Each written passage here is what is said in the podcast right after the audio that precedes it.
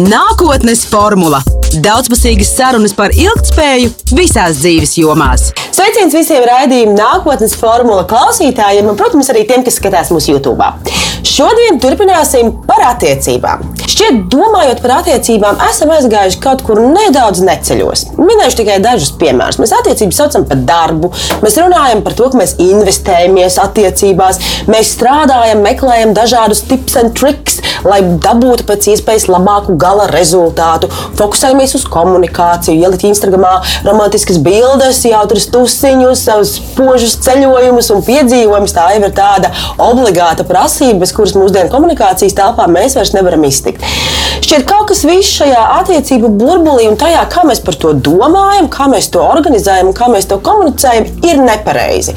Mēs izmantojam mārketinga, menedžmenta, reklāmas, projektu vadības terminoloģiju, lai runātu par vissvarīgāko savā dzīvē, par savu privāto dzīvi, par savu emocionālo pasauli un savu vissvarīgāko cilvēku, ar ko mēs esam kopā. Par to šīs dienas raidījumā. Studijā esmu aicinājusi RSU asociēto profesoru, filozofu, sociālo antropologu un nu jau topošo psihoterapeitu Ventu Sīlu. Labrīt! Labrīt, labrīt, labrīt. Uh, Lai, lai arī cilvēks ir tā sociālā būtne, mēs visu laiku par tām attiecībām, un mums vajag un, un kopā, un privāti, un tālāk, un kā sabiedrībai. Bet vai tas homo digitālis, kas mēs tagad esam šajā tehnoloģiju, modernajā, dinamiskajā, ātrajā laikmetā, vai attiecības vispār ietilpst mūsu pasaules kārtībā, vai tām ir šobrīd šeit vieta? Nu, mēs uzstājam uz to, ka mēs taču esam visu laiku attiecībās. Mēs visu laiku lietojam kaut kādus komunikācijas instrumentus. Bet nu, tā skumjā lieta ir tāda, ka citreiz runāšana ir labākais veids, kā nesaprasties. Neko nepateikt un neko nedzirdēt. Uh, un es teiktu, ka attiecībām nešaubīgi ir vieta. Bet attiecības prasa pavisam citu skatījumu uz to, kas notiek manā dzīvē. Proti, jautājumu par to, kur es ieguldīšu visvairāk enerģijas, visvairāk iztēles un tāpat laikā nezaudējot savu brīvību. Ja, jo tur tie trīs svarīgākie punkti, kas tur varētu būt, ir brīvība, iztēle un enerģija. Un apvienot šos trīs, mēs nonākam pie attiecībām. Uh, Cik bieži mums sanāk salikt kopā tos, tas jau ir atvērts jautājums. Bet, jā, mēs gribam attiecības, bet vienlaikus mēs diezgan skaudri apzināmies, ka mums nepietiek jaudas, lai šīs attiecības īstenībā noturētu tajā līmenī, kāds mums liekas adekvāts. Jo tāpēc, nu, tas, ko es arī vēlos mūsu šīsdienas sarunā risināt un ieskicēt, mēs visu laiku dzīvojam tajā nenormālajā vāveres ritenī. Mēs skrienam pakaļ līdz tam laikam, un tad sanāk tā, ka mums pietiek laika visam. Mums ir brīnišķīgi augstākās izglītības apliecinoši diplomi, brīnišķīgi karjeras sasniegumi, um, iespējams, pietiekami arī labs konta saturs un viss pārējais. Un kaut kādā ziņā, nu, ah, nu tiem draugiem, ģimenei, attiecībām, nu, tam nekad nav laika. Un šī gadījumā, un te pašā laikā, nu, arī mums ir jāuzraksta, kas mums dzīvē ir vissvarīgākais - ģimene, attiecības, vīrs, sieva, bērni. Un tad mēs paskatāmies to teoriju, ar to praksi un to, ko mēs sakām, ar tiem vārdiem un to, ko mēs darām. Tur ir ļoti daudz pretrunas. Un īstenībā šajā te, tā sakaba neveidojās.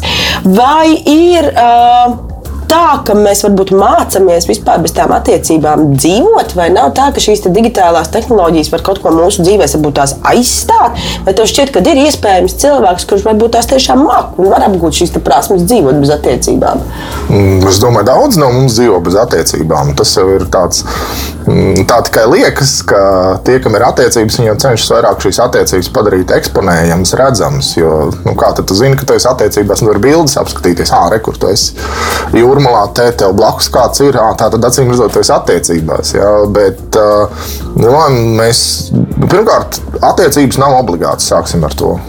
Tas ir, ir izvēle, un tā ir, šai izvēlei ir jābūt kaut kur balstītai Man nepatīk vārds resursi šeit, bet es viņu tomēr lietošu. Mēs jau pie tā atgriezīsimies pie šīs te, uh, ekonomikas valodas, kas ir iezagusies attiecībās. Ja? Uh, bet uh, jautājums ir, nu, kas tad ir tie pamatresursi, kas cilvēkam ir? Tas ir viņa laiks, un tā, tā, tā ir viņa personiskā iesaistīšanās, personiskā enerģija, teiktu, laiks un enerģija. Un tad tas, par, tā lielā problēma ir tāda, ka lielāko daļu laika un enerģijas mēs tērējam kaut kur citur. Un tad, kad mums būtu jāpievērš attiecībām, tad mēs kā, nu, kā mājās atnākšana. Tas ir tikko es esmu pārgājis pāri durvju slieksnim, es vienkārši gribu iekrist dīvānā ar kaut ko garšīgu rokā un vispār atslēgties. Protams, es gribu attiecībās baudīt to, ka man nekas tur nav jādara, ka tā ir tā sauktā komforta zona. Attiecības nav komforta zona. Attiecības, ja tā vienā vārdā ir jāsaka, tas ir uzdevums vienmēr uzdevums, un attiecības ar bērnu ir uzdevums, tāpēc audzināšana ir problemātiska. Attiecības ar romantisko partneri ir uzdevums, kurš tev visu laiku jāsako līdzi. Kas tagad notiek, kā ir situācija pamainījusies, kur tu atrodies, kas notiek. Nu, Vispārējais, nu, tā var teikt, dzīve ir uzdevums. Ja? Un tad attiecības šajā kontekstā ir daļa no lielajiem, lielajiem formātiem.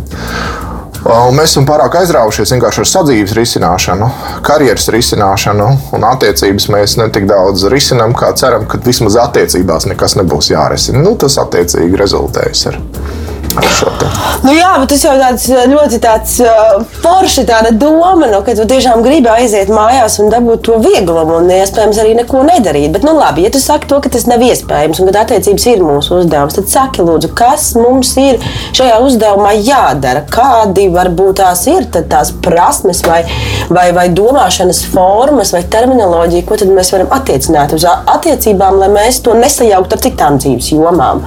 Nu, man patīk tāda metāfora, ka attiecības ir kā aerolaiva, kur sēž divi, katram ir pa vienam airim brokām.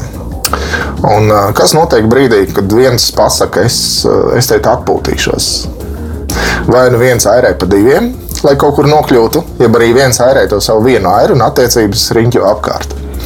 Papli un nekas nenotiek. Un jo spēcīgāk tu airē, jo nekur tu netiec. Jā, tur nav šī vēlme ieguldīt daudz laika un enerģijas attiecībās, var beigties pilnīgi ne ar ko, ja tas otrs vienkārši tur izliekās. Jeb kā es to reiz vienā no saviem tekstiem, pagājušā gada imperfektā, es rakstīju par to, kāpēc vīrieši dezertē no attiecībām. Protams, viņi no laivas ārā nekāpj, bet airēt arī nē.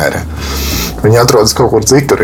Un tad, kas ir tie iemesli? Un tad sievietes tur ņemās, menedžē tagad šito un to un, un brīnās, kāpēc nekas nesanāk un nekādas atdeves nav. Uh, nu, lūk. Tāpēc tas, tas, tas pirmais būtu nu, strādāt abiem un klausīties tajā otrā turēt to ritmu, būt simetriskiem, jā, redzēt šo simetriju, tā kā abiem ir vajadzīgs. Jo ir tikai viena situācija, kur attiecībās drīkst airēt viens, kas ir normāli saprotams. Tad, kad otram ir krīze, kad viņam ir slikti, mm. viņš ir slims vai kaut kāda, nu, jebkura no šīm problēmām, nu, dabiski, ka tas otrs nesaka, nu, tā, labi, tu vairs nedari, ja kā pārā. Bet uh, tur ir zināms tas mēs resurss, nu, ko veido divi cilvēki, kas abi iegūst šo laiku un enerģiju, ko var izmantot krīzes situācijās. Es tagad ņemšu to mūsu resursu un tērēšu to tikai sev. Un kaut kādu periodu laika tas tā strādā. Ja? Mm. Nu, ir skaidrs, ka vienā brīdī tas arī beidzās kā telefona baterija, tad mēs nonākam brīnišķīgā patiesības momentā, kur ir tā, ka uh, attiecības tikai prasa, prasa, prasa šis uzdevums tiek, tur nekāda risinājuma neparādās, tur rādās ar vien jaunu, jaunu uzdevumu. Un tad ir jautājums, vai man pietiek resursu ar to tikt galā. Un, ja nepietiek, nu, tad jāsāk domāt, varbūt šīs attiecības vieglāk ir dzīvot bez attiecībām. Jo, nu, es, es esmu savā pārdomās līdz tam nonācis, un es neuzstāju, ka tas tā ir. Vienkārši man citādāk tā bilde neslēdzas. Kā ir vieglāk nebūt nekā būt attiecībās. Mm. Nu, ja tu atnāc mājās, un tev nav jānodarbojas ar otru cilvēku mentālo pasauli, ar viņu garastāvokļiem, ar viņu vēlmēm un tā tālāk. Jā, tur neviena nav. Tas, teiksim, ir skumji. Bet tev arī nav jānodarbojas ar šo otru cilvēku. Tev nav visi šie uzdevumi, visi uzdevumi, kas ir es tikai tu pats. Un tāpēc ir brīnišķīgi tie periodi starp attiecībām. Tas ir ļoti būtiski, ja, kurus mēs veltam nu, sevis analīzē un sevis pilnveidošanai. Jo principā vienatnes laiks ir izcila iespēja sagatavot sevi daudz labāk nākamajām lielajām attiecībām. Par lielajām attiecībām sauc tādas, kuras teorētiski varētu izvērsties attiecībās visā mūža garumā. Ja, tā tad šī mm. kopīgā novecošana, kas ir izcili svarīga lieta mūsdienās, ja, ka uh, attiecības jau nav vienkārši nu, tāds foršs cilvēks, kas man blakus. Tas ir cilvēks, ar kuru es grasos doties pretī nu, šiem te ne tikai personības attīstības izaicinājumiem, kas mums ir, tad, kad mēs uz dzīvi skatāmies kā uz tādu progresējošu procesu, ja visu laiku attīstīties kaut kur jākāp augstāk un augstāk, bet arī uz novecošanos, ko arī vajag saprast, kā prasmīgi izdarīt, kā, eh, kā nenonākt tajā situācijā, kur eh, tu esi izniekojis iespējas, un tad vecumā tu esi palicis viens slims un uh, tev grūti klājās materiālā ziņā. Un tad ir jautājums, nu, kā tu līdz tam nonāci? Nācīm redzot, kaut kādas kļūdas tu esi izdarījis. Jā, kaut kādas. Un to nevar visu novelt tikai uz sabiedrību. Tas ir personiskās izvēles. Lai gan sabiedrība tur nu, pārmaiņu laikos ļoti daudz cilvēku, protams, zaudēja. Bet, nu, atgriežoties, tad kopīga novecošana Bet tas, kas attiecībās ir tiešām tas absolūti fantastiskais moments, kāpēc vispār ir vērts šo te jāmpadrats uzsākt, ir tas, ka uh, tevi ciena, novērtē un pieņem atbilstoši uh, tevis paša autentiskajām izpausmēm. Un viena no tām, protams, ir mēs jaunāk neviens nepaliekam. Līdz ar to mēs nevaram uzturēt šo ilūziju, ka uh, viss būs tikpat tvirts un tievs un visādi citādi, kā tad, kad Skaists. mēs sākām. Jā. Mēs nevaram to darīt, jo tajā, tajā gadījumā mēs uzreiz pārceļamies uz fantāziju pasauli, kur attiecības ir iespējams tikai ar perfektiem cilvēkiem. Neviens nav perfekts. Un tas ir labākais, kas ir attiecībā. Šī skaidrība, ka neviens nav perfekts. Tas nenozīmē, ka tev tu drīkst izlaisties. Nebūtu ne. Jo šī nepieciešamība strādāt ar sevi, tā ir autentiska katra cilvēka vēlme būt pašam par sevis labāko versiju uz saviem noteikumiem. Un tad attiecībās tas es sevi saprotu šādi. Ja tu arī ķer no tā visa prieku, ja tu, ja tu esi gatavs piedalīties vai gatavs piedalīties ja, mūsu attiecību šajā saspēlē. Runa, protams, ir par saspēli. Tad mēs sadalāmies rokās un ejam tālāk kopā. Mēs ejam katrs savu ceļu, savu attīstības ceļu. Tas es un tu nesajaucās. Jo tur ir nu, tā problēma ar izšķīšanu otrā, ja, kur, kur vājāks es vienmēr gribu atrast to otru stiprāko, viņam piesieties. Un finālā viņai izšķīst, tur sākās panika, kur tad beidzos es, kur sākās viņš vai viņa. Kāpēc man ir sajūta, ka katru dienu, kad esmu kopā, es vispār sevi neatceros, sevi nejūtu. Ja? Nu, šis te, mm. panika par, par savas patības kodolu.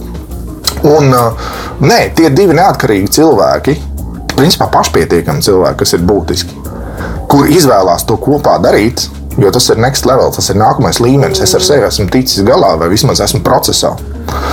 Tā būtu droši vien korektāk teikt, jo nu, procesā jau kurš, kurš tad ir.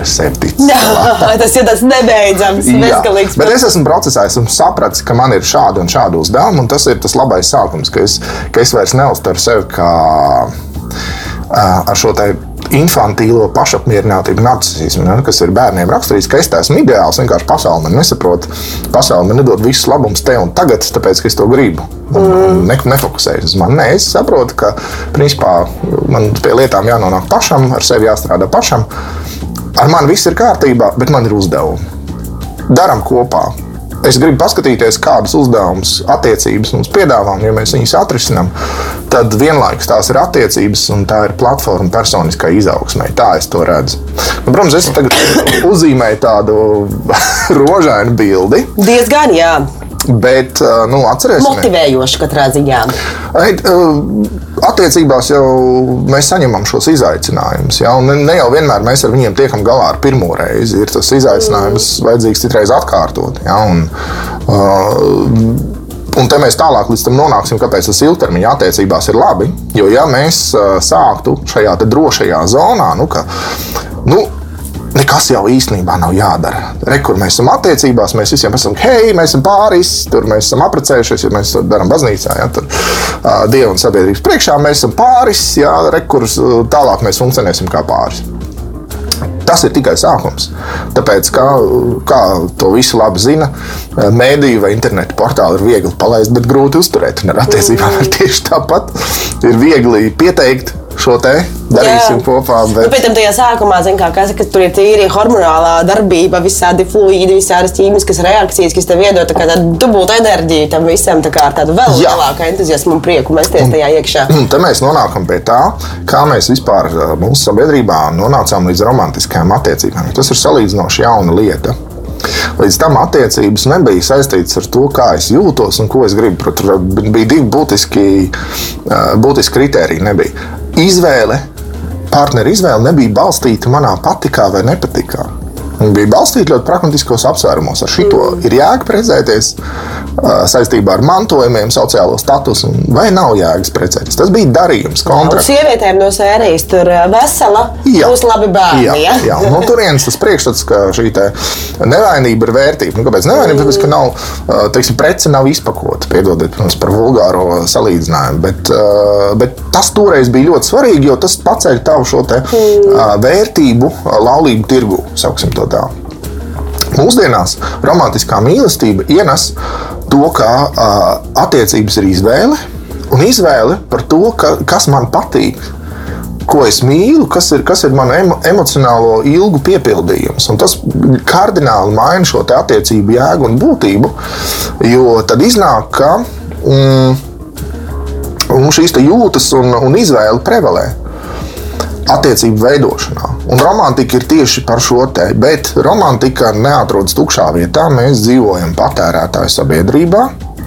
Un tas ļoti veiksmīgi sakrita ar tādu sociālām transformācijām, individualitātes un individuālas izvēles virzienā, principā. Un arī šo cīņu par sieviešu dzimumu līdztiesību, to, ka sieviete arī var uz attiecībām skatīties no šī skatu punkta. Un romantika ir par to, ka divi sveši cilvēki satiekās, Viņi uzmanīgi viens otru pārbauda ar dažādās sadzīves situācijās, līdz viņi nonāk līdz jautājumam, vai tas, ko es jūtu pret otru cilvēku, ir mīlestība.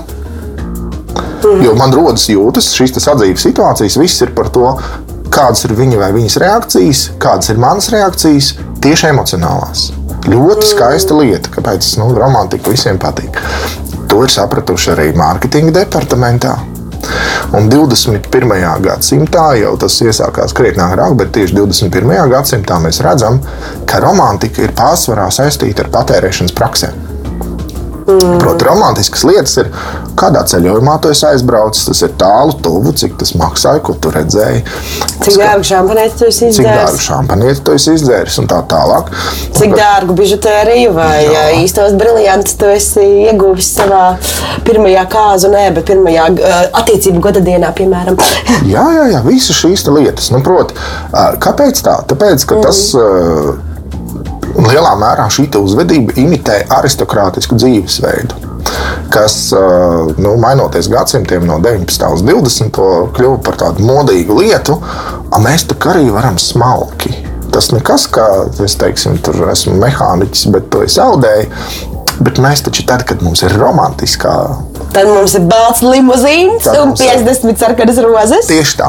Tāpēc, ka uh, mēs sākam uzvesties kā lēdija un džentlmenis. Tur, protams, nekādas, nekāda tēriņa nav pietiekami, jo tu vari, nu, kā šitā dēļ, taču var atdot visu. Mm -hmm. Mārketinga departaments ir sajūsmā, viņš saprot. Tātad galvenais ir sasaistīt uh, patērēšanu uh, ar, šiem, ar šo romantisko ideju, un tu vari tirgot cilvēkiem preces, jo, nu, romantikas dēļ, mīlestības dēļ mēs taču tiešām tā ir būtiska lieta. Mēs esam gatavi atvērt maciņus, ne tikai sirdis.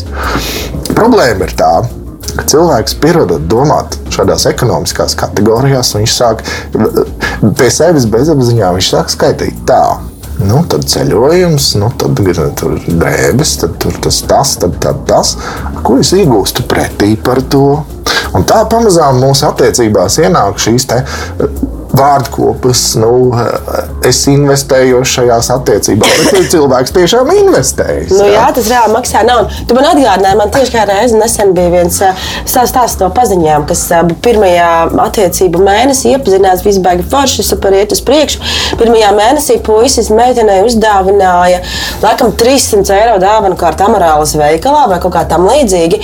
Un tad viņai bija nenormālākais stress, kā, kā lai viņa atdara pretī, jo acīm redzot, no viņas puses tur nāk nākamajos svētkos tai, tai dāvanai ir jābūt tādā pašā vērtībā. No sērijas alga maza, tur vēl kaut kas, vēl kaut kas, kur lai rauj 300 eiro, lai viņam kaut ko uzdāvinātu jaunām kurpēm vai, vai aproču pogām. Un tā kā real life story. Nu tā. Nu, viņš taču gribēja ne jau aproču pogas. Viņš gribēja viņu tajā visā.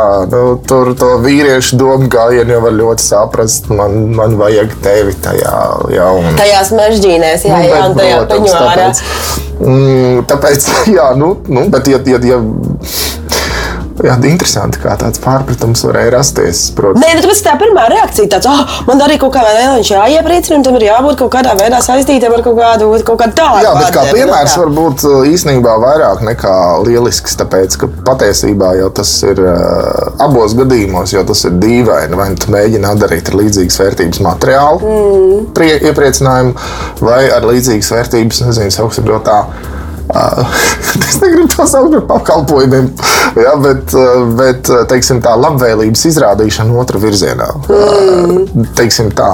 nu, lūk, un, un, un tad, tad mēs, protams, to rēķinu vedam tur galvā, ja, cik pret cik tur ir. Un, un es gribu, protams, būt tas nu, vismaz plusos vai vismaz nu, tā, nu, nulītēs.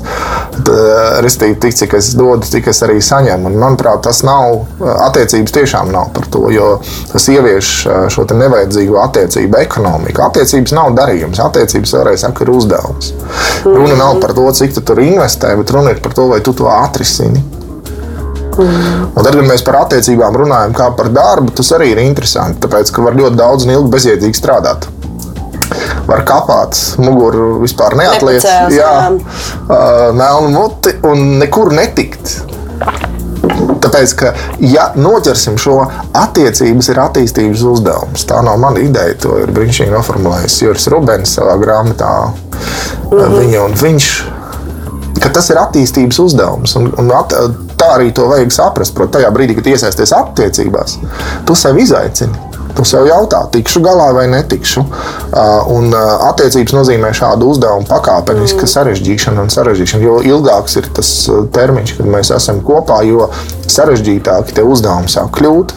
Tas, kas lieliski nostrādāja sākumā, un tāpēc attiecības sākums ir viegls, jo uh, pirmie spēles līmeņi vēl ir tādi nu, salīdzinoši ērti izējami. Katrs, kuram ir kaut drusciņi smadzeņu un šāram, tiek ar viņiem galā.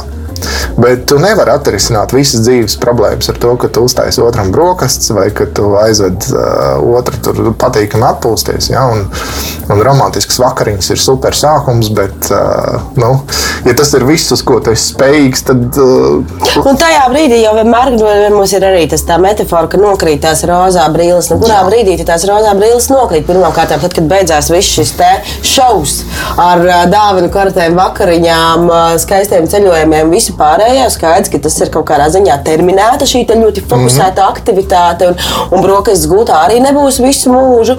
Un, un tad ir savukārt tas, kur sāk nākt šīs egocentriskās personības šķautnes atklāties kaut kādās citās dzīves Bet tas ir forši. Tas ir forši, jo tas nozīmē, ka attiecībās mēs pieaugam.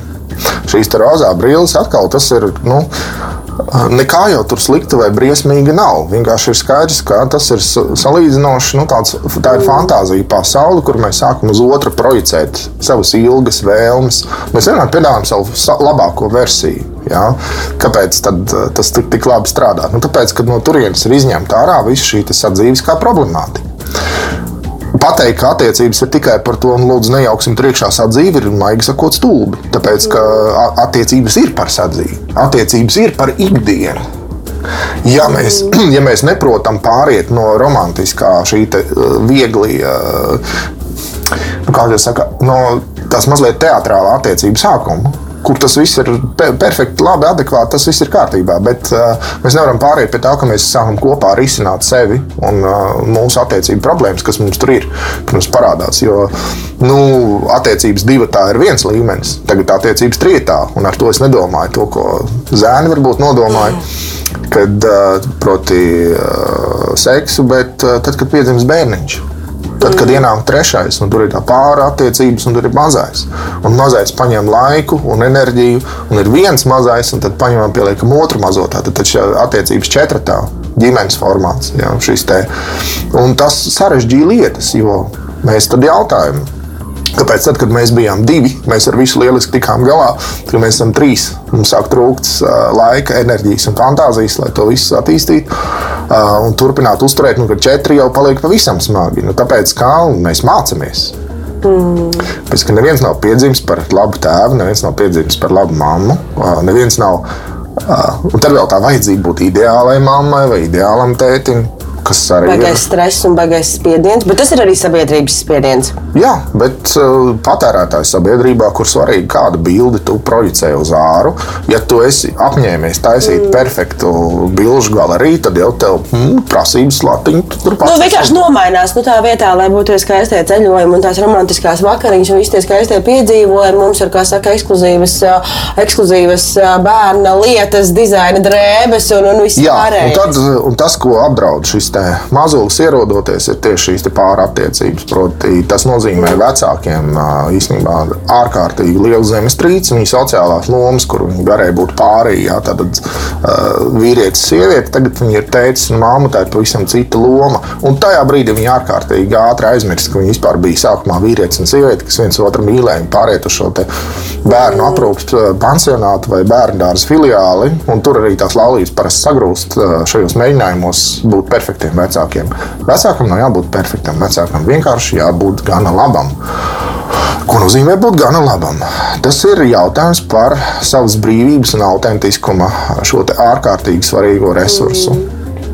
To, ka tu visur un vienmēr esi tu pats, Tad tas, bet, uh, ko tas nozīmē būt sev pašam? Tas nozīmē, ka tu uh, rūpējies par to, lai tev būtu spēks, enerģija, lai tev patiktu, lai tu būtu tajā vietā, kur tev gribas būt, lai, un vienlaikus tur saproti, ka tur arī būs zināmas grūtības, un tev būs spēks to visu pārvarēt, drosme tajā visā iesaistīties, un tā sajūta, ka tā viss ir tava brīva izvēle. Brīvība, patība, autentiskums, drosme, izvēle ir šīs lielās eksistenciālās kategorijas. Un, ja mēs tā paskatāmies uz attiecībām, nu, kāpēc viņas ir grūtas? Tāpēc, ka viņas no mums prasa cilvēciski labāko, kas mums ir. Un labākais, kas mums ir, nav sevi aizliegt. Pašaizliedzība ir tikpat uh, Destruktīva, Jā, tikpat destruktīva kā nerūpība, bezrūpība. Jā. Ne, neturēt to visu. Nu, lūk, uh, un, uh, tur kaut kur visur pa vidu vēl arī tas seksualitātes jautājums, proti, kā saglabāt dzirksteli ar vienu Nu, jā, tu saki, tev, tad es jau iemācījos to tavu mantru par to laiku, par to enerģiju un to fantāziju. Man liekas, ka tajā fantāzijā ir daļa no tā, kas ir mūsu tā, tā seksualitāte un tās attiecības, teiksim, kas ir tajā romantiskajā kategorijā, Jā. erotiskajā kategorijā. Bet uh, arī nevis vienkārši fantāzija. Tas jau ir. Mēs šeit runājam par ļaušanos, nedaudz paļaušanos uz to, ka tas otrs mani ievedīs teritorijā, kuras neesmu bijis. Mēs runājam par vitalitāti, jo seksualitāte, mēs tagad tā atkal par seksualitāti, es saprotu, ka mums ir tēmas pārējai. No attiecībām par seksualitāti. Jā, tad uh, attiecība ir par dzīves prieku, par to, ka es, uh, man ir primāra attiecības pašam ar sevi, ar savu dzīvi. Un no šī te sprieguma, kas rodas ar manām iedarbībā ar pasauli, es uh, dabūju ārā to, ko Junkas sauc par libido enerģiju. Jeb šo te, nu, enerģiju parasti jums tur definē, ka no pretpolu šīs miedarbības rodas šī enerģija, tā dzirkstele, tas lādiņš, pretpols. Tā tad ir svarīgs. Kāds, kas nav gluži identisks tev, nav gluži ar tevi, tev pieaudzis, ja, kas arī pāri attiecībās, tā klasiskā kļūda ir atrasties tādā tuvības pakāpē, ka, tu, ka tajā brīdī, kad mēs runājam par seksu, tur ir vajadzīgs attāluma pārvarēšana nedaudz, kad mēs veicam piepūli, lai nonāktu viens otra tuvumā. Ja mēs sākam jau no šī tuvuma, tad mums nav kur iet tālāk. Tur tā dzirkstele nodzies, mēs esam par to. Līdz ar to labs veids, kā pēdiņās, protams, labs veids, kā attiecības atkal uh, atgriezties dzirksteli, ir attālināties, uzsākt strīdu, kas psiholoģiski rada distanci, salīgt mieru, kas šo distanci pārvar, un tad ir labākais seks, kāds mums mēnesī ir bijis. Tas jā. jau arī vispār, kā saka, ir tāda, tāda tēze no sērijas. Ja tur ir seks pēc skandāla, tas ir Jā, tieši tā. izcili.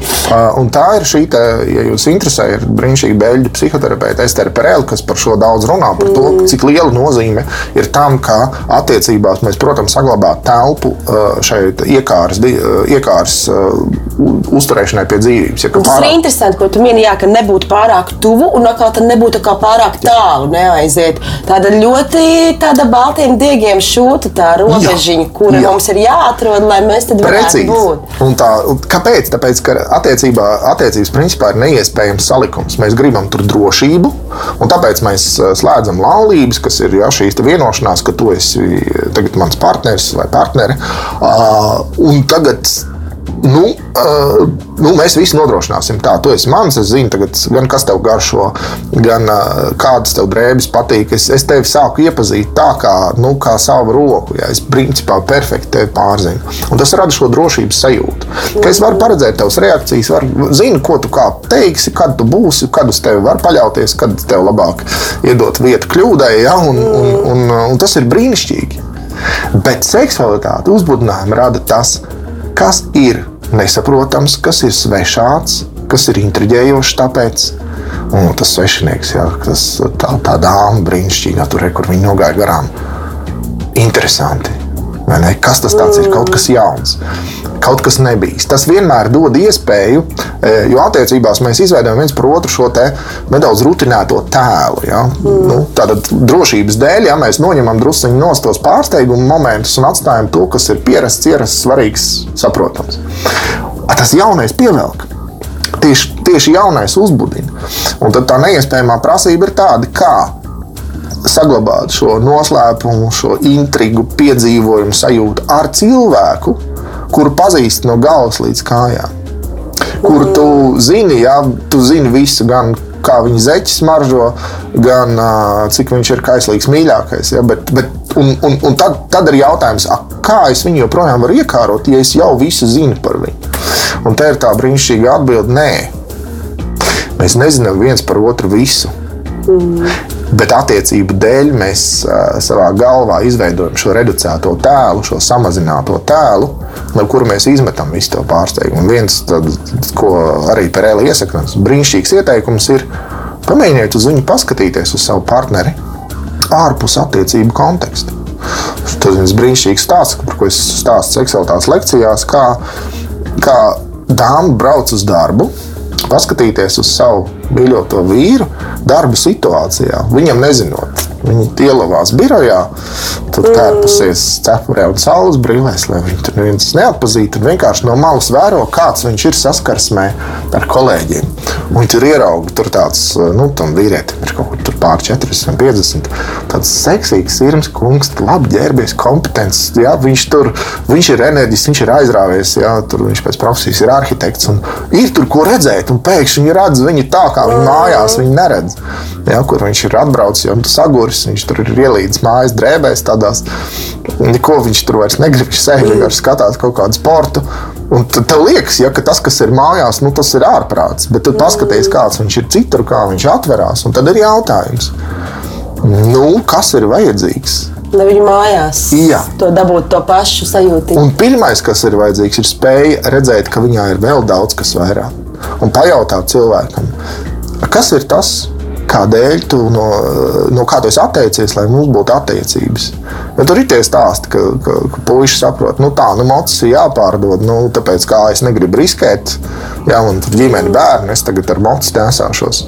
Bet varbūt tev tagad to moci vajag nopirkt tāpēc, lai tad, kad tu ar viņu izbrauc, un tev ar to joprojām pulsējošu adrenalīnu, tu viņu ieved garāžā Tad domā, kur ir mans zaķis? Es, te, es esmu zirgā, tagad man, man ir sajūta, ka es jūtu, ja? tur tas azarts, tas eksistenciālais okay. moments. Ir. Šis labs tāds nianses, jā. Un tajā brīdī tu saproti, mums sanāks vienkārši tāpēc, ka es tikko biju citur. Es izskrēju, es pievērsos tuvāk sev, es apskatījos, kas ir man autentiskā, autentiskās eksistences iztrūkstošie elementi, kādas pieredzes man ir vajadzīgas. Ja? Jo tikpat komiski jau ir tā, nu, mēs laulības vai attiecību garumā mēs visi mazliet, mazliet paliekam apaļāki, drusku izlaižamies. Tad izskan prasība, nu, kad tu vienreiz sāksi iet uz sporta zāli, ja tev tur notiek. Tad sākās brīnums. Viņš vai viņa sadzird, nopērk to abonementu un reāli sāk ar sevi strādāt. Sākumā mēs priecājamies, o, paliek ar vienu tvirtāks, paliek ar vien tāds pārliecinātāks. Acīs parādās tāda dzirkstelīte. Cilvēks sāk sev patikt spogulī skatoties. Ja? Šīs rutinētais tēls pamazām paiet malā, atgriežas tas, tas lauva. Un tas... tad pavarās jauni apvāršņi. un tad paliek bail.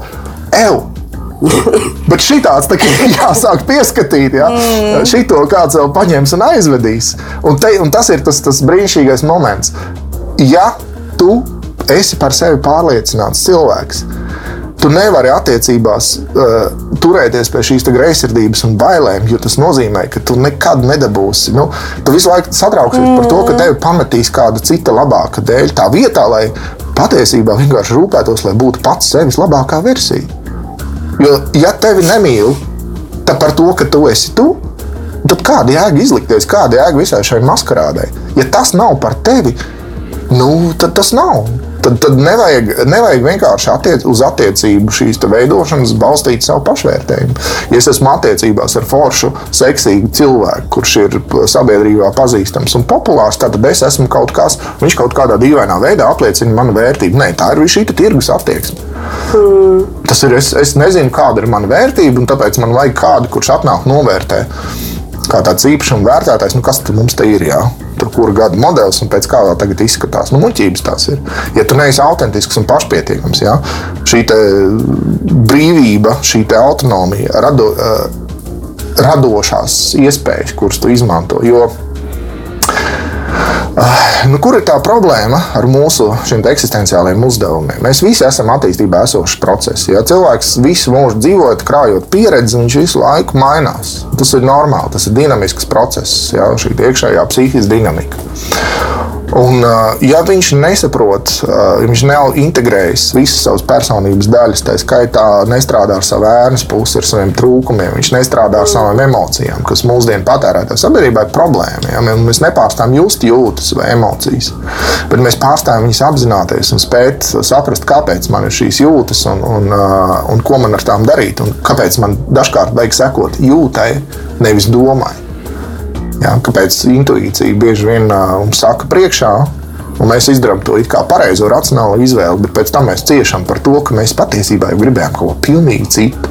Mm. Jā, un, un, un, ja mēs to visu ignorējam un pārāk, pārāk fokusējoties uz kaut kādiem racionālu ritmu un sasniegumiem, mēs sākam ignorēt nu, šīs savas būtiskās jūtas. Un mīlestība ir par jūtām nevar izrēķināt, nav attiecību formulas. Tāpēc es te nepiedāvāju šodien nekādu attiecību formulu. Es uzskatu, ka visas formulas ir idiotisms. Tādā nozīmē, ka uh, ir ingredienti, kā jūs tur viņus sajauksiet. Ir jūsu autentiskās patības jautājums. Jo jums pašiem ir jāzina, ko jūs gribat no attiecībām. Mums pašiem ir jājūt, kas attiecībās ir tas, un te ir tā brīnišķīgā, tomēr liberāls un attīstīta sabiedrības lieta ka tu vari nesekot līdzi kaut kādām tradīcijām vai klišejām. Tu vari dzīvot saskaņā ar sevi. Mm. Un priecāties un baudīt to, ka tev neviens neliek, jo, jo visas šīs tradicionālās dzimuma lomas, par ko mēs runājam, sākumā izklausās pēc patvēruma. Nu kā man, kas ir vajadzīgs, lai es būtu īsts vīrietis, vai kas ir vajadzīgs, lai es būtu īsts sieviete? A, B, C, D.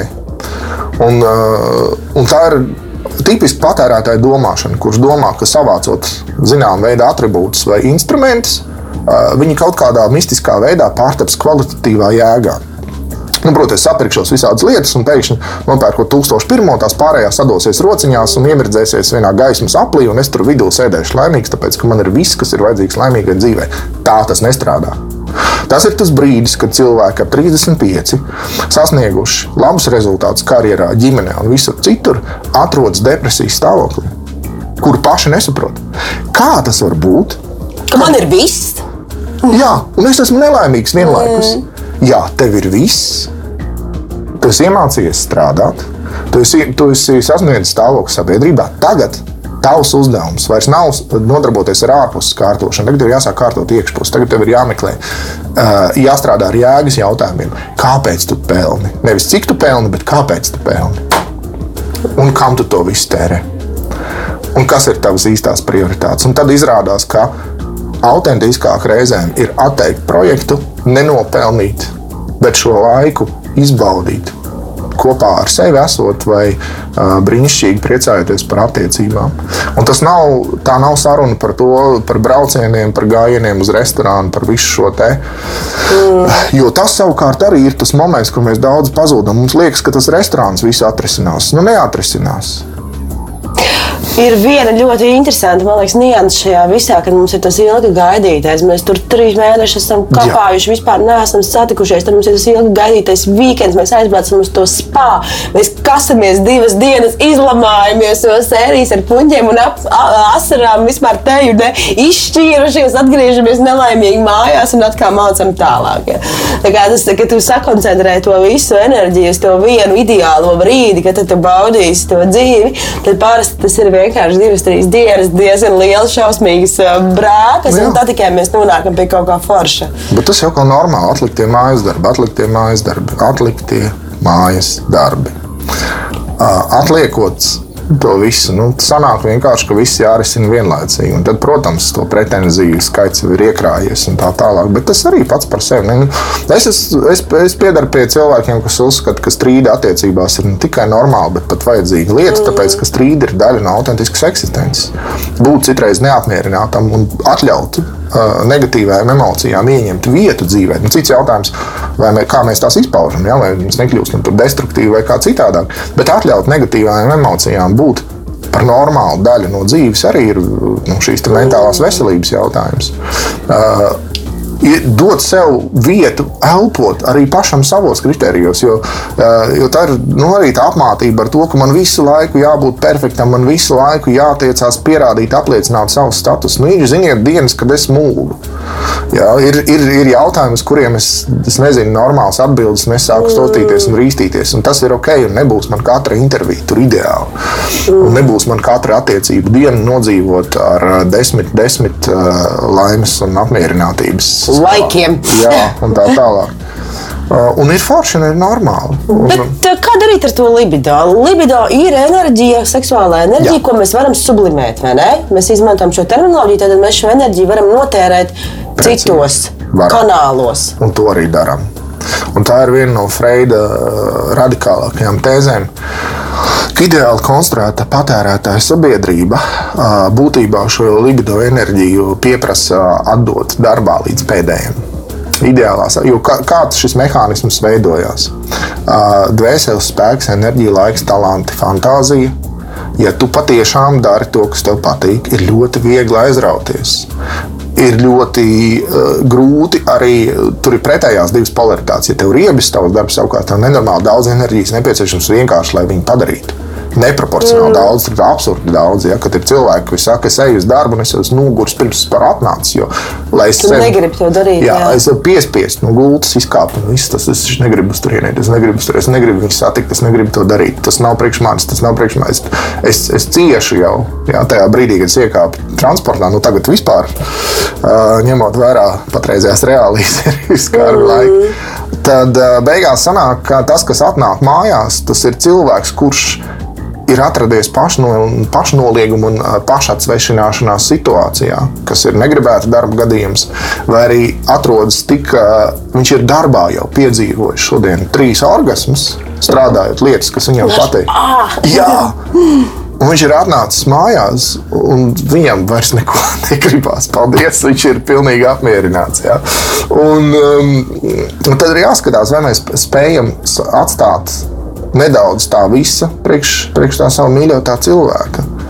Un, nu, mums ir, nu, var, var padomāt par brīnišķīgo seksu brīvdienas rītos. Tad, kad brīvdienas rīts ir domāts nevis lai tu sešos mm. no rīta jau būtu drūvā un raktu kartupeļus, bet tad, lai tu sešos no rīta uh, gulētu, izgulētos līdz deviņiem, lēnām iedzertu kafiju, uh, paskatītos apkārt, papriecātos par to un tad pamīlētos tā, kā tev gribās mm. lēnām ar, ar baudu, ar prieku, ar, ar, ar visu. Tas, esot tajā, esot tajā šeit un tieši. tagad, nevis tur vai nu tajā tieši destruktīvajā, tā. kad es esmu nočakarējies visu dienu, vai arī tajā kaifiņā, ka ošana tik izcēlīja, man viss sanāca.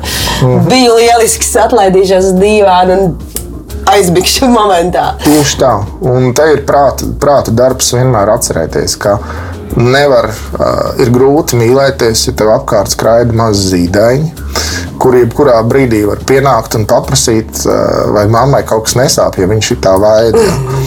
Nu, nevar to atslābt. Ne. Tad, tur ir tā lieta, ka šī seksualitāte ir vajadzīga īpaša vieta, īpašs laiks. Tā ir jārezervē, nu, tā tad jāatstāj vieta savā dzīvē. Nevar gribēt tā, ka tu nu, cep pankūks un tad pankš tev ir spontāns superseks virtuvē. Nu, pirmajos attiecību mēnešos jā, tāpēc ka tur tas viss ir. Tas ir tādā, daļa no tā visa. Daļa no tā visa, bet pēc tam, kad tev ir mazi bērni, nu nē Nu, nē, tas vienkārši tā nestrādā. Jā, diemžēl. Un tad, tad, tad ir jāsāk, jāsāk to risināt un, un, un plānot. Un tad tas, tas smalkais, tad, kad cilvēks saka, plānot seksu un daļu uzreiz noskatās pagu vecīt. Nu, tad, to jau nevar. To jau nevar ieplānot. Nē, to var ieplānot. Un to zina katrs tango dejotājs. To vispār zina katrs, kurš kaut mazliet strādā ar savu radošo pusi. Mm. Ka tu plāno nevis pašu to darbību Bet tu no rīta pamosties un saki, hei, es šodien nu, neaiziešu līdzi visām tām ārējām lietām. Es turēšu savu iekšējo kodolu fokusu. Es gribu vakarā satikt savu mīļoto. Un es par to piedomāju, un piedomāju. Mm. Un es, eh, es ātrāk aizēju tur, eh, atstāju kaut kādus pārlieku darbus, kaut ko tur atceļu. Es padomāju par to, kāda veļa man ir apakšā. Es padomāju, cik es, es jūtos svaigs un, un, un ieinteresēts un visādi citādi juteklisks. Un tad, kad tu par, respektīvi, labs seks vakarā sākas ar domu par labu seksu no rīta. Mm. Un, un tas ir tas, ko nozīmē plānošana. Ne jau tas, ka es tādu ir seši vai kad mums ir jābūt. Ja? Ļaut atstāt vietu tai spontanitātei. Drīzāk tā ir jāplāno šī laika nogrieznes telpas, telpas iekārtojums. Un tad ir forši pateikt vecākiem, hei, paņemiet cikuzīšus uz weekendu. Mm. Mums ir vajadzīgs laiks sev.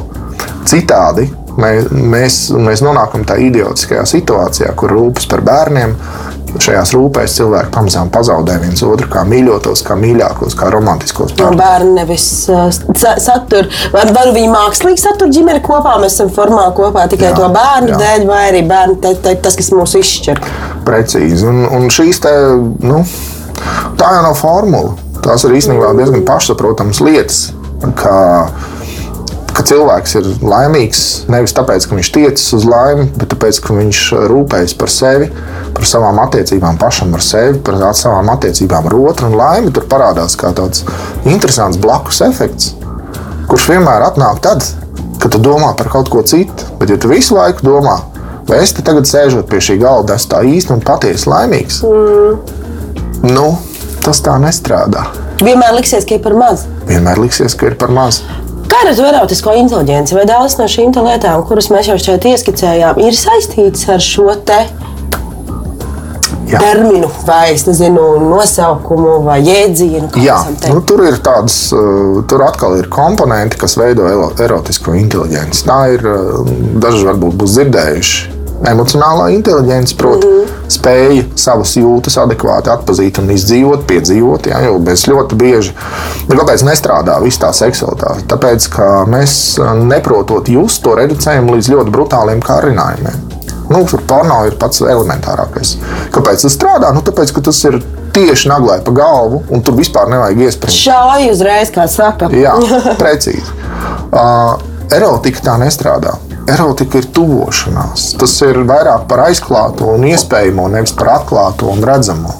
Mm -hmm. Jā, un šī erotika kļūst par tādu patīkami, netīru seksu tikai pašā, pašā pēdējā brīdī, jau, kur, tas, kur tas atkal nostrādā mazliet citādi. Ja tu jau sāc ar, ar nerātnībām, nu, tad tev īsti nav vairs kur tālāk. Mm. Jā, viss tas pasākums scenārijs uh, sabrūk. Uh, der, emocionālā inteligence, tālāk ķermeniskā inteligence, lai jo nu, seksualitāte ir ļoti brīnišķīgs ķermenisks process, bet tur nederēs eh, ķermenis, kurš nav ķermenis, kuru tu nepazīsti. Tur nav runa par to, resns tievs formā vai neformā. Tev ir jāpatīk savam ķermenim. Viens no foršākajiem tādiem vingrinājumiem ir nostāties spoguļu priekšā plikam un paprasīt, vai es pats sevi iekārotu. Nu, tas tāds ļoti tieši konfrontācija. Jā. Bet, ja tu pats sevi negribi, mm. tad bieži vien sanāk, ka to arī nenoticis tam otram cilvēkam. Jo uh, ir tāda brīnišķīga lieta, kā iekārtas skatiens, kad te, uz tevi kāds skatās ar to skatienu. Mm. Tas nenormāli ceļ pašapziņu, jo pats jau to uz sevi tā nekad neskaties. Bet kāpēc gan ne? Un nejauksim to ar šo narcisisko seksualitāti, seksienai.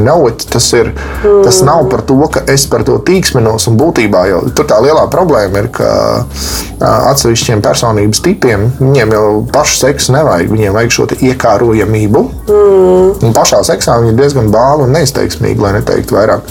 Ka tad, kad... Lai vēl to pastāstītu, tad uzraksta vienkārši uz džemperiem seksī. Nu, ja tu jā, nepamanīji, jā, jā, tad jā, vispār, jā? Jā, precīzi tā. Uh, un, tas, uh, un šī agresīvā iekārojamība, tas arī tas nav patērētāja domāšanas. Tas ir.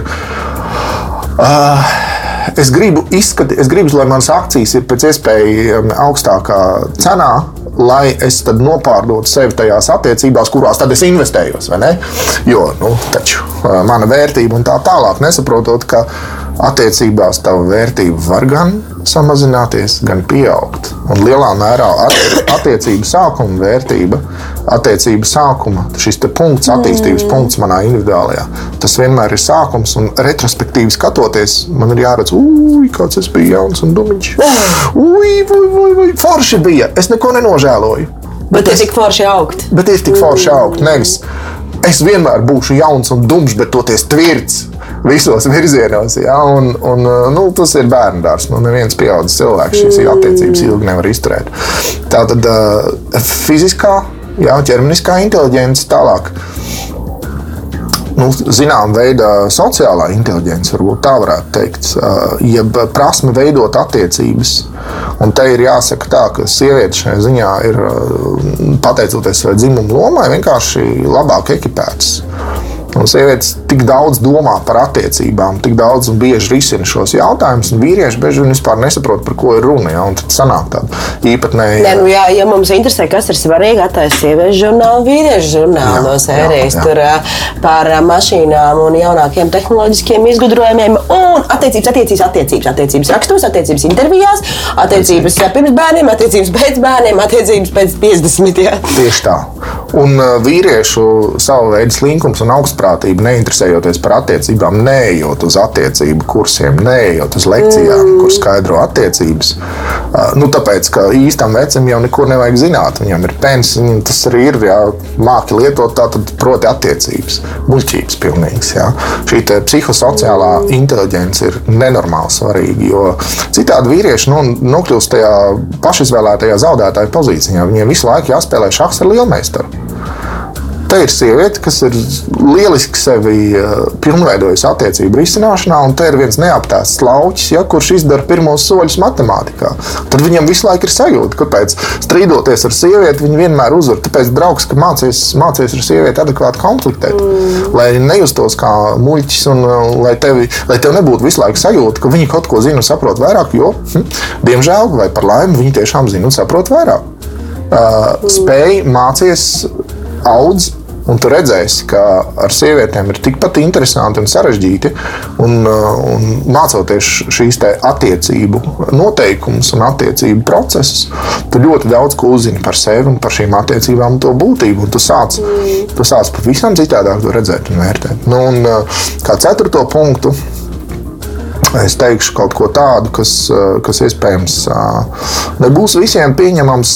Tā ir garīgā inteligence. Jo Mm, un tam ir tieši sakars ar, ar to, ka seksualitāte nav tikai ķermenisks, tikai sociāls, bet tas ir arī garīgs process. Tas ir eh, tas, kas rietumu civilizācijā ir kaut kā stulbi pazaudēts kā šī reliģijas un garīgo prakšu, vispār seksuālā puse. Ja? Ko, ko, ar, kāpēc mums tik šausmīgi patīk austrumu reliģiskās prakses? Tāpēc, ka viņas tam neaizliedz baudu. Jā, viņas neaizliedz baudu. Viņas neaizliedz. Viņas tevi nesoda par to, ka tu vispār par to domā un ka tu Dievs nedod es vispār jā, jā. kaut ko sagribējis. Un taču savādi savu ķermeni vispār, jā, un savādi jā. savus visas fluīdus. Jo attiecību augstākajos punktos, kad mēs piedzīvojam šo svētlaimi vai nu mīlējoties, vai vienkārši kopā esot. Mm. Ir garīga, tas ir garīgs process. Un, ja cilvēks nav atvērts šāda tipa garīgumam, varētu pat teikt savā veidā, ka laime ir, lai ja cilvēks iemācītos būt laimīgs, viņam ir jābūt garīgam treniņam, atpazīt laimi un piedzīvot laimi. Jo mēs bieži vien laimi kaut kā mēģinām noreducēt uz, uz garšu, smaržu vai kādu citu juteklisku pārdzīvojumu, aizmirstot to, ka visi pārdzīvojumi būtībā notiek mūsu dvēselē. Proti, šī dvēseles dzīve varbūt tas labāk, kādam patiks labāk. Ja? Nevis tā, tā garīgā inteligence, bet drīzāk dvēseliskā inteligence. Dvēseles dzīve, kas nav par, tikai par psiholoģiju. Tas ir par to, ka šīs lielās lietas, tādas kā mīlestība, tādas kā realitāte, kas ir ārkārtīgi plaši jēdzieni, viņas kaut kur ir, viņas piedzīvojot, tā daļa no šīs pieredzes ir zināma veida misticisms. Kaut kas tāds noslēpums, ko tu līdz galam nevari saprast, neizskaidrot. Tās tās lietas, ko mēs vārdos nevaram ietērt, kur mums Precīzi. pietrūkst Precīzi, spēja ar intelekta kapacitāti verbalizēt šīs lietas. Precīzi. Un tāpēc, tad, kad mēs runājam par seksu un seksualitāti, mēs aizmirstam, ka, ja mēs sāksim skaidrot formulas, mēs, Kur kā, jā, jā. cik bieži kādā pozā un no sērijas, cik ilgi. Precīzi. Ja mēs, mēs varam runāt par bioloģiskiem aspektiem, tas ir korekti. Mm. Mēs varam runāt par sociālajiem aspektiem arī. Bet tad mēs pēkšņi konstatējam, ka mēs nevaram to visu salikt tā, lai tas strādā. Tad, kad mēs skatāmies psihosociālo, individuālo, psiholoģisko un bioloģisko, tas nesaliekās. Bez šī garīgā aspekta, bez šīs te, uh, dvēseliskās dimensijas, tur nesanāk tas vienādojums. Nu, lūk, un, un tagad, kad es esmu kaut ko tādu pateicis, to, ka seks var būt lūkšana, un lūkšana var būt seks, uh, tad ir skaidrs, cik tālu mēs esam no iespējami labākā rezultāta. Ja, jo, Man liekas, ka mūsu senči, es neesmu liels eksperts senlatviešu šajās praksēs, bet man liekas, tas viss, ko viņi tur darīja pirtī, lielā mērā ir par šo tēmu. Mm. Un, un es ceru, ka Latvijas pirtnieki atgriezīs atpakaļ. jā, tāpēc, ka viņi tur dara kādu brīnišķīgu lietu. Viņi tiešām tur Nu, tur ir tas kailums, tur ir tā Jā. kopā būšana, tur ir tas, tas, tas viss ķermeniskais un viss pārējais. Kaut kādā ziņā, jā, varbūt Un tā ir tā tas- vieta, kur, kur tad satikties. Un, un pirtī taču mēs runājam par garu. Noķeriet šo. Ļoti ķermeniska pieredze, un tad, lai, lai tev viegls gars ir novēlējums. Mm. Mēs par garīgo runājam, par, par šo dvēseles dzīvi. Un, ja tas, tāpēc jau pirtnieks ir tāda viltīga profesija. Liekas, ka viņš tur Ko tu tur ar slotiņām? ar slotiņām, jā, nu, Ai, ā, baigi interesanti ar tevi runāt. Man varētu trīs stundas norunāt. Bet, uh, fokusējoties jau uz sarunas beigām, man tomēr ir viens svarīgs jautājums, ko es noteikti vēlos tev pajautāt. Ir saistībā ar šīm spēcīgajām, aktīvajām, skaistajām, gribētu teikt, latviešu sievietēm. Jā. Un, uh, un kaut kas ar tiem vīriešiem. Es absolūti, nu, es tagad mākšu tādos stereotipos un, un droši. izteikšu kaut kādus apgalvojumus, kam, kam es nepiekrītu vārdiski, bet kas mētājas kaut kur gaisā un kaut kādos brīžos liek domāt par, par to, kur ir pazudis tas latviešu vīrieša tēls. Jo tai sievietei tie īpašības vārdi ir diezgan daudz, un, un, bet tas latviešu vīrietis tāds bezrobežains un bišķiņ kaut kāds jēls un nav tāds, tāds pašdefinējies. Bet tu vari izstāstīt, kas notiek ar tiem dzimumu stereotipiem, kas vispār notiek ar mūsu dzimtē balstītajām lietām mūsu sabiedrībā. Kā, nu, vai tiešām ir tā, ka mums ir nenormāli stipras sievietes un vāji vīrieši? Nu, ā, es, protams, gribētu piedāvāt uz šo jautājumu ātru un, un sakarīgu atbildi. Bet vispirms es gribēju pateikt pāris lietas par to, ko, ko es esmu darījis pēdējos gadus šajā visā virzienā. Es pārstāvu Rīgas vīru grupu. Un, uh, Rīgas vīru grupa ir daļa no vīru grupu kustības, kur vīrieši pieauguši, norūpējušies par sevi un savu nākotni, nāk un runā un risina šīs problēmas. Tas ir tādas pašpalīdzības un pašattīstības grupas, kas ir, kas to sauc par kustību, un es esmu nevis tās radītājs, kā bieži vien cilvēkiem liekas, es vienkārši par to runāju visu laiku. Mums ir grupā, iedomājieties, vēl astoņas tādas vīrus, ne mazāk kolorītas kā es. Es pat teiktu, vairāk kaut kur attīstītas, kas viens otram palīdz šajā šo ceļu iet. Jā, tas ir tās, tās, arī tās ir ļoti smalkas attiecības, kas ir grupā. Tā ir draudzība, tā ir brālība, bet tā ir arī ļoti nu, kaut kādā ziņā nesaudzīga, kritiska attieksme pret to, vai tu draugs paliec uzticīgs sev vienmēr visās situācijās. Un tur mēs risinām šos mūsdienu vīriš, vīriešu galvenos jautājumus, kas ir, ko darīt ar savu spēku, enerģiju, ar savu agresiju, kur tu nevari izpaust tiešā veidā, tu nevari staigāt apkārt sīkdams cilvēks. Tev ir jāprot šo agresiju, konkurenci ie- ievirzīt adekvātiem, adekvātā gultnē un adekvāti ar, sa- jāsasaist ar vērtībām. Ko darīt tālāk ar savu jūtekliskumu, ar savu mīlnieku enerģiju, mm. ar savu erotiskumu, ar šo erotisko inteligenci, jau, ko mēs tik krustčērs izrunājām, kā to sevī atrast un saprast, ka uh, erekcija un uh, peņa ievadīšana nav viss, ko mēs zinām par seksu, mm. ka var ļoti daudz ko izdarīt un uh, ļoti neatkārtojama pieredze gūta, nefokusējoties uz savu šo fālisko momentu. Tad, ko darīt ar savu intelektu un zināšanām, un arī intuīciju?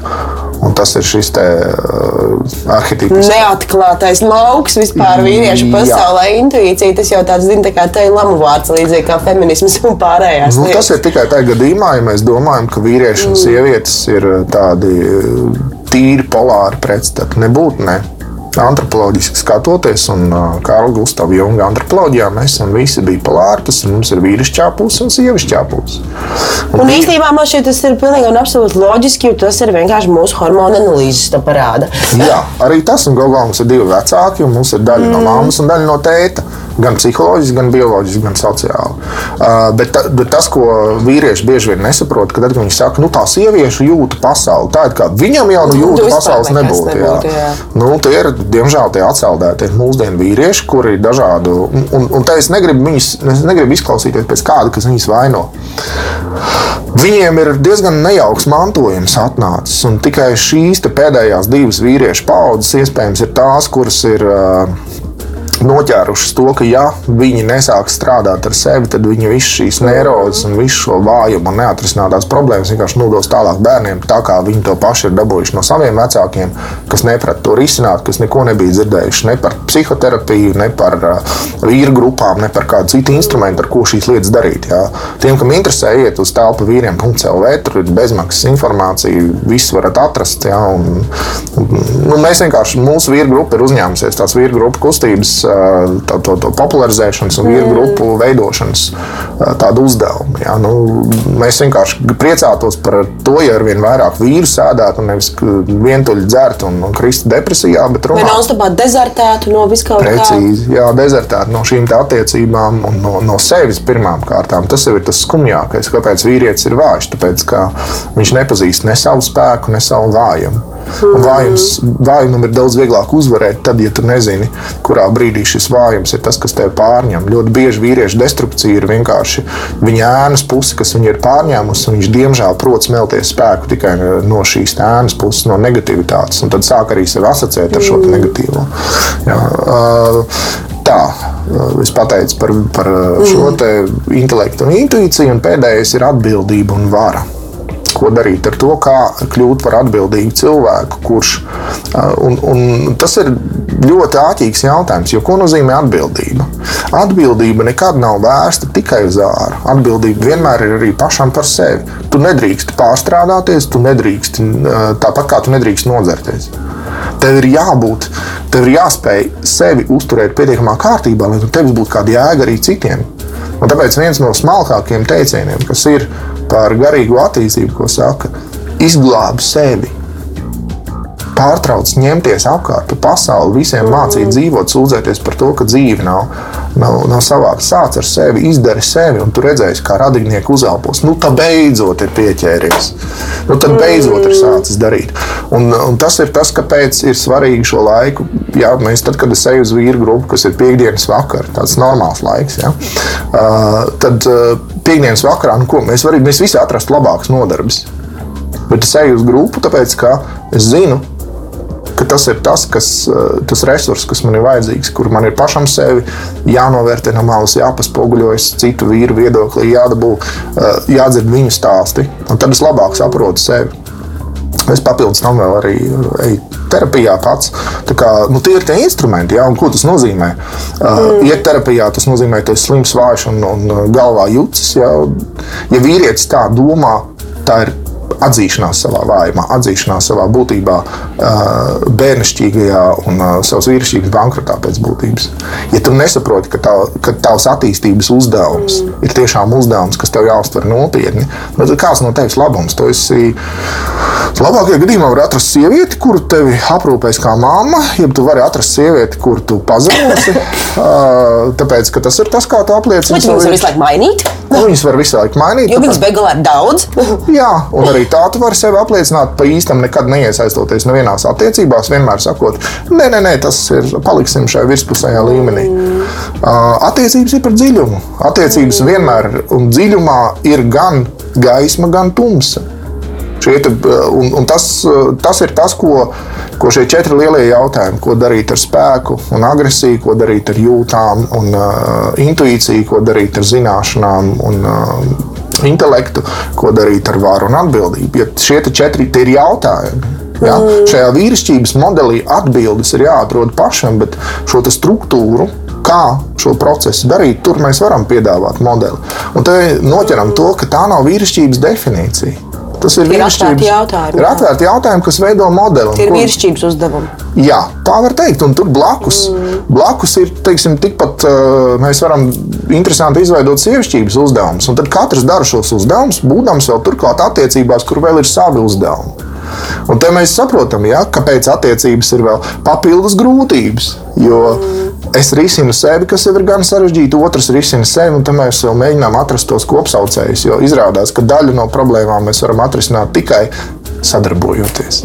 Un kā ar tiem sievišķības uzdevumiem? Kas ir tas, ko sievietēm jārisina? Uh, Kas ir tie atvērtie jautājumi, kas tevprāt ir jāuzdod sev 21. gadsimta sievietē Latvijā? Es, es labprāt šo atstātu kā neatbildētu jautājumu citai sarunai. Tīšām. Es saprotu, ka klausītāji liela daļa saka, no, nu, nu kā, nu, tu tagad neko neteiksi. Nē. Uh, Ja jūs interesē šīs tēmas, Open Minded ir kurs par seksualitāti. Tas ir ieraksta kurs, kur liekas, jūs, varat pieteikties viņam visu laiku. Tur ir liekas, kaut kāda pavisam neliela nauda atstāta. Tas ir astoņu lekciju cikls, kas šo skaidro daļēji. Un es lasu arī paralēli citu kursu, kas saucās apzinātais un neapzinātais dzimumu lomās. Tā kā mm. Open Minded afiši sekojiet līdzi, piedodiet par reklāmu. Bet, bet nu, tāpēc, ka es negribu, es negribu dot tās īsās atbildes, kuras iespējams ļoti maz ko izteiks. Es jau neesmu pārliecināts, ka ar to vīrišķības modeli mēs tikām skaidrībā. jo Tur jau ir visam ēnas puses, teiksim, spēkam, spēka ēnas puses sadists mazohists, jā, mīlnieka ēnas puse, atkarīgais impotents, šī viedā cilvēka, viedā vīrieša ēnas puse ir ā, atsvešinātais manipulators vai nevainīgais noliedzējs.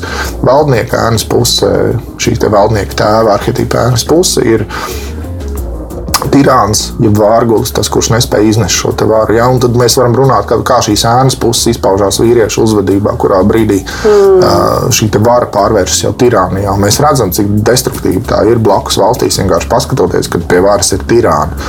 Uh, tā viss ir Junga arhitepiskā psiholoģija, ja? kāpēc es arī tik daudz šodien pieminu Jungu, tāpēc, ka Jungs ir šos te Jungs un, un, un lasīšana, Junga lasīšana ārkārtīgi palīdz saprast to, ka mūsu dzīvē pretrunas ir lielākā daļa no tām ir neatrisināmas. Bet šīs pretrunas, respektīvi, mūsu mēģinājums noreducēt visu uz kaut ko vienu, jā, pasakot, ka teiksim, vīrišķās vērtības ir pārākas pār sievišķiem, vai otrādi sievišķās ir pārākas pār vīrišķiem, vienmēr novedīs pie atrisinās dažas problēmas, bet ilgtermiņā radīs daudz struktūrālu problēmu, kas principā nav pārvaramas. Mums ir jā, jāmēģina integrēt. Mums ir vajadzīgas brīnišķīgas, stipras, jaudīgas sievietes un brīnišķīgi, stipri, jaudīgi vīrieši viņām blakus. Un, kuri viens otrā saskata nevis konkurentu, bet to, ka mans spēks ir lielā mērā saistīts ar spēju atzīt un priecāties un apsveikt otru spēku. Un attiecībās nevis konkurēt vai mēģināt apspēlēt mm. otru, bet vienkārši teikt, ko es tev varu izdarīt, lai, lai, lai tu savus attīstības uzdevumus labāk paveiktu. Un kā es tev savukārt varu palīdzēt, lai tu ar saviem uzdevumiem tiktu galā. Un šīs brīnišķīgās, dziļās sarunas, un, un kā mēs abi kopā varam mīlēt bērnus tā, lai nepadarītu viņus par uh, psihiski traumētiem neirotiķiem. Tās traumas tur vienalga būs, bet šīs traumas tad vismaz nebūs tik katastrofāli dziļas, ja, kā tie nabaga noraidītie bērni, ja tie pārlutinātie bērni. Ja bērni, kuri ir iemācījušies, ka vecāki visu laiku tēlo, abiem katram ir mīļākais, bet mājās viņi tēlo Laimīgo ģimeni. laimīgo ģimeni. Ja, visu, visu šo te Jo, protams, ka, ka attīstība ir traumatisks process. Kāpēc? Tāpēc, ka tu mācies dzīvot pats, mācies par sevi atbildēt, un tur kļūdas ir, ir, ir absolūti saprotamas. Un, kā jau es teicu, ideāli vecāku nav, ir vienkārši gana labi vecāki. Gana labi vecāki uzaudzina gana labus bērnus kuri pēc tam pabeidz šo attīstību paši, attiecībās ar citiem, un no gana labiem kļūst par pašu sevis labāko versiju. Super! Paldies par šo sarunu! Jā, lietas nav vienkāršas, un kādā ziņā es ticu, ka liela daļa no šīm problēmām, ko mēs paši sev radām, slēpjas mūsu vēlmē lietas vienkāršot. Mēs gribam izlasīt grāmatā formulu, un tad iemācīties konkrētas prasmes, izpildīt konkrētas, konkrētas lietas, un tad tas viss strādā. Acīm redzot, jārok dziļāk. Paldies tev par šīs dienas sarunu! Paldies arī tev! Studijā viesojās Vents Sīlis. RSU asociētais profesors, filozofs, sociāla antropologs, daudz tie tituli, bet visi svarīgi un nu jau topošais psihoterapeits. Paldies, ka skatījāties līdz nākamajai reizei! Uz redzēšanos! Raidījums tapis sadarbībā ar Nacionālo elektronisko plašsaziņas līdzekļu padomi sabiedriskā pasūtījuma ietvaros.